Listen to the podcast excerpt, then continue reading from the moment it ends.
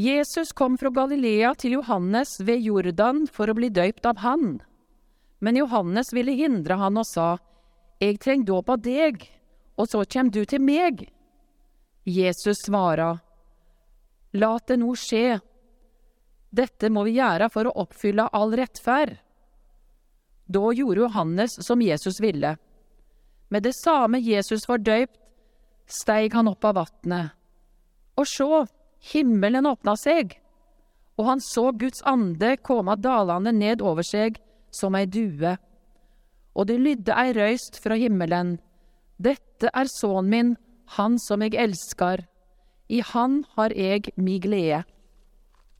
Slik lyder det heilage evangeliet. Skal sette oss igjen. Altså ferdig med jula, sant? Der å si at masse fokus på at Jesus ble født og, og kom til jorda. Så er ikke det helt påske ennå, når vi skal ha masse fokus på at Jesus døde i stand for oss eh, og tok på seg all vår synd. Selv om disse to tingene kommer ganske tett i året, så er det ganske lenge mellom dem i Jesus sitt liv. Det er ca. 33 år mellom dem. sant? At Jesus blir født, og at han dør. Det var ikke sånn at Jesus bare døde for oss. Han levde for oss først, sant? Og det tenker iallfall jeg mindre på enn jeg tenker på at Jesus døde for oss. Og sånn er det til og med i truvedkjenninga òg. Hvis du ser på truvedkjenninga etterpå, når du skal si den, så hopper den ifra Jesus blir født til Jesus dør. Den hopper over hele livet til Jesus. Og det er ikke fordi livet til Jesus ikke er viktig. Det er bare fordi det ikke var omdiskutert i de første århundrene. Så truvedkjenningene våre, både den apostolske og den nikenske, zoom litt inn på de tingene som var diskutert. Men livet til Jesus er selvsagt kjempeviktig. Det sier seg helt sjøl, egentlig. Um, men hvorfor er det så viktig? Hvorfor er det ikke sånn at Jesus bare kommer, og så dør han med en gang? Hvorfor lever han? Hva, hva er det hva er så viktig med dette livet hans? Grunnen til at jeg tenkte å kunne se på det nå, er at her er starten på Jesus sitt virke, kan du si. Han kommer til Galilea, og han er på en måte en av mengder. Han er liksom hvem som helst. Han står i køa og venter på å bli døpt av Johannes. Og han er lavt nede Det er ingen som veit hvem han er. Og han er lavt nede geografisk. Han er på et av de områdene i verden som ligger lavest. Hvis han er helt ned med Dødehavet, så er han på det laveste punktet i verden. Så kommer han, og så sier han at eh, 'Johannes, du må døpe meg'. Så sier Johannes eh, 'Men det er nå jeg som trenger dåp av deg'. Johannes har en dåp som skal forberede folk på at Jesus kommer. Og nå kommer Jesus og vil ha den samme dåpen, og da blir han litt forvirra. Men Jesus også vil ha denne dåpen for å forberede seg på hvem han skal være.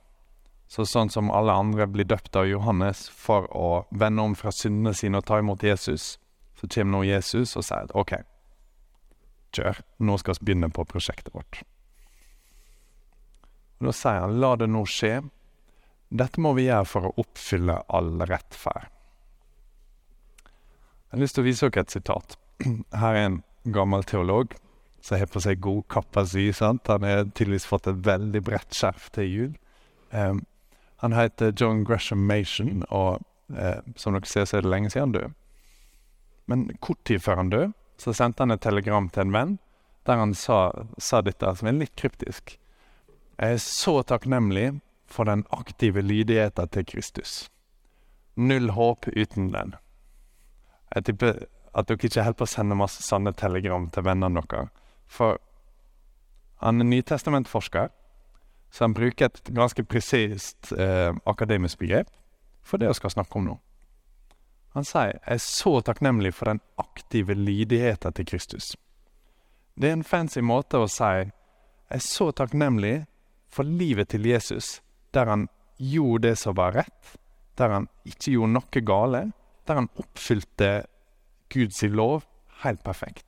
Jeg er så takknemlig for de 33 åra med perfekt liv med et herlig, nydelig liv. For uten det så har ikke oss noe håp. Ganske spennende tanke, sant? Ofte så er det 'Jeg er så takknemlig for at Jesus døde for meg'. Uten det så er det ikke å snakke opp. Og det stemmer, men de to henger skikkelig, skikkelig tett sammen. For det som skjer, grunnen til at eh, Mation sier dette, at han er så takknemlig for den aktive lydigheten til Kristus, er at vi får bytta til oss et annet liv når vi kommer til tro på Jesus. Oss får hans sitt liv. Jesus gjør seg klar til å bytte plass med oss. Han lever 33 år der han heller over perfekt, der han aldri gjør noe feil, men også aldri unnlater å gjøre noe som er godt. Mange av syndene våre er sånn, sant? At vi sitter hjemme og ikke gjør noe gale, men vi er heller ikke ute og gjør noe bra. At det er kanskje noen som trenger oss, og det er kanskje noen som har behov for oss. Jesus er like god i det han ikke gjør, som i det han aktivt gjør. sant? Den aktive lydigheten hans er nydelig. Så jeg tenkte jeg skulle vise dere dette er tekster. Det er bare et lite hint til det i teksten. At når Johannes sier at 'jeg trenger dåp av deg', så sier ikke Jesus 'jo, kom igjennom'. Han sier 'la det nå skje'. Dette må vi gjøre for å oppfylle all rettferd. Når Jesus begynte på sitt store prosjekt, så sier han 'nå må vi gjøre alt som er rett'. Nå skal det være skikkelig. Nå skal ikke ha noe tull. Jeg og du, Johannes, oss må oppfylle all rettferd. Johannes har ikke kjangs til å gjøre det sånn som Jesus gjør det, men Jesus gjør det faktisk. Han lever et liv som ikke er vekkasta. Han lever et liv som ikke har noe eh, vondt med seg. Og Dette er kjempeviktig. Og dette er, som Mation sier, knytt til håpet vårt. Uten dette så har vi ikke noe håp. Paulus snakker om det på en litt annen måte, så jeg tenkte jeg bare kunne lese til dere. Han sier at slik som mange ble syndere fordi det ene mennesket var ulydig, skal nå de mange stå rettferdige fordi den ene var lydig. Så sånn som Adam ikke gjorde det Gud sa, og mange av oss, oss alle altså, endte opp som syndere, så kommer nå Jesus, sånn at mange av oss kan stå rettferdig fordi den ene var lydig. Vi får på en måte del i den ene eller den andre sitt liv. Enten så kan vi ha en del i Adam sitt liv med på en måte ting som ikke er sånn som de skal i denne verden. Eller så kommer det et nytt alternativ nå. En vi kan bytte liv med, som har et perfekt liv. Ok, men eh, bytte liv med, hva, hva i alle dager er det? Å snakke ofte om noe som Lytter sier, for jeg synes det er en nydelig illustrasjon. Eh, Lytter i et av sine eh, mest kjente verk, 'Kristenmenneskets frihet', så sier han at alle som tror på Jesus, er som ei prostituert eh, dame som gifter seg med en konge. Når de gifter seg, så bytter de. At plutselig så er denne dama en helt annen person. Plutselig så er hun dronning. Plutselig så har hun alt som går an å få av status, og hun har et slott, sant, og hvor, hvor mye høyere kan hun komme? Plutselig har det vært sånn enormt sprang, bare fordi hun hører til han. Og plutselig så har han tatt på seg alt hun har av fortid sant, og bagasje og sånne ting. Plutselig så ligger det på han. Det bytter. Og hun kommer veldig godt ut av det. Og så sier Luther at akkurat sånn er det for oss. Når Jesus kommer, så bytter han med oss. Det er et herlig bytte der all vår synd all vår død, alt som er trist i oss, blir lagt på Han. Og så får oss det som Han fortjener. Oss får det som er hans sitt uh, liv. Oss får på en måte bytta til oss 33 år med helt, helt, helt perfekt liv. Dette er grunnen til at oss kan gå inn i himmelen når vi dør. Dette er grunnen til at englene er misunnelige på oss. Det står i Bibelen at englene lurer på hvordan i alle dager virker evangeliet. Hvorfor i alle dager er det sånn at disse menneskene får så masse godt fra Gud? I slutten av teksten, når, eh, skal vi se, når Jesus er døpt, så går han ut av vannet, og så kommer det ei røst fra himmelen som sier 'Dette er sønnen min, han som jeg elsker'. I han har min glede. Det som skjer med oss i evangeliet, er at vi får være i Kristus på en sånn måte at når Jesus får høre dette fra far, så får oss med høre det. Enten vi er mann eller dame, sant? så sier Gud til oss 'Dette er sønnen min, han som jeg elsker'. I han har jeg min glede, for han ser på oss og ser Jesus. Det er ikke sånn at oss trenger å tenke Oi, 2022 var ikke et sånn toppår for meg moralsk sett. Eh, nå er sikkert ikke Gud så veldig glad i meg. Eller siste veka har jeg ikke fått bedt noe eller lest noe i Bibelen. Nå er sikkert ikke Gud så glad i meg. Det er ikke sånn det funker i det hele tatt. Hele konseptet er at vi bytter plass. Når Gud ser på noen som tror på sønnen hans, så ser han sønnen sin. Han ser hva Jesus er verdt. Han ser disse åra, dette livet som er perfekt. Og så sier han at her er sønnen min, han som jeg elsker, i han har min glede. Nå har vi på en måte gått inn i ting som er ganske kjent. Eh, men vi kommer inn en annen dør, sant? Ofte så, oss, eh, ofte så pleier jeg å snakke om disse tingene med at begynner med Jesus sin død. Jesus er død for oss. Oss er frelst på grunn av nåden aleine. Og når reformasjonen skjedde, når um, de fant tilbake til denne sannheten, når de tidlige reformatorene fant den, så kom en del katolske teologer og sa dette må dere ikke si. Dere må ikke si at folk er frelst av nåden alene. For da kommer de til å gå hjem, legge sammen to og to og tenke aha, nå kan jeg gjøre det jeg vil.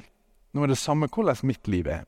Hvis jeg har lyst til å, å rane gamle damer på fritida mi som hobby, samme det for jeg er frelst av nåde alene, sant. Så sier jeg heller dere er frelst av nåde, men ikke si nåden alene, for det, folk må på en måte forstå at de må skjerpe seg. Det er lett å forstå hvorfor de sa det, sant. Når teologene dukker litt inn i dette, så viser det seg at dette er helt, helt, helt sentralt. Den lille nyanseforskjellen der gjør en enorm forskjell. Hvis du sier nåden aleine, så er oss plutselig alle i samme gruppe. Plutselig så står oss alle likt og er avhengig av hjelp utenfra. Jesus er nødt til å komme og hjelpe oss.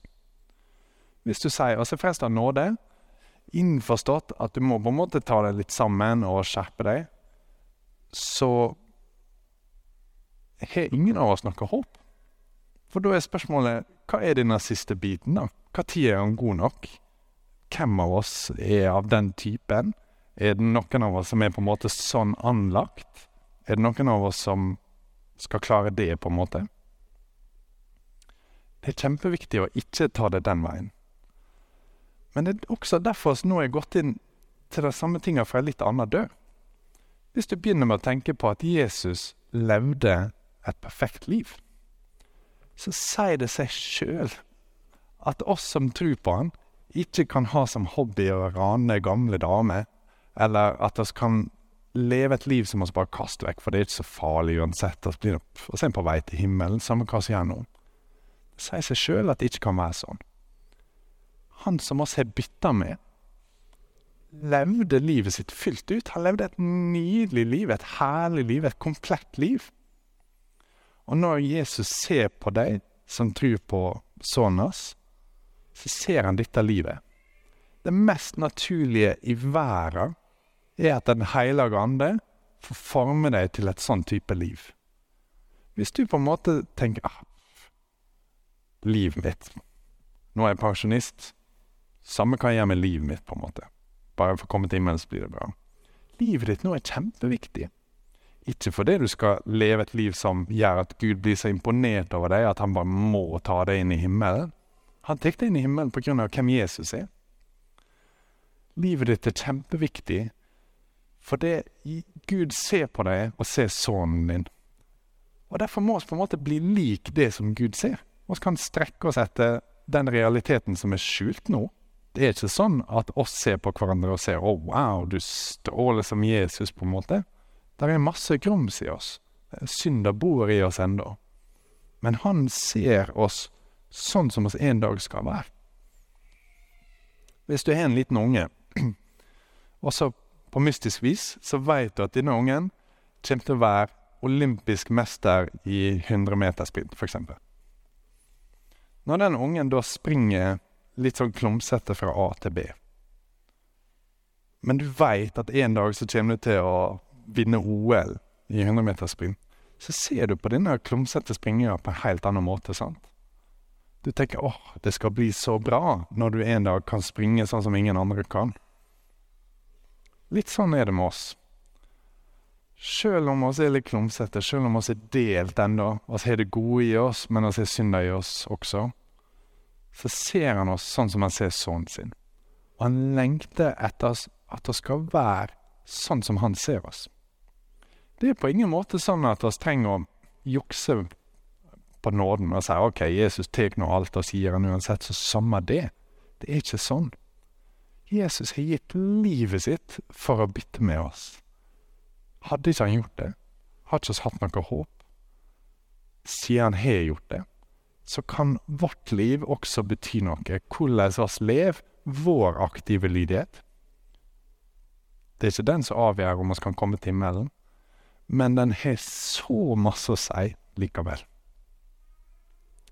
Jesus døde for oss, men før han døde for oss, så levde han for oss. La oss be.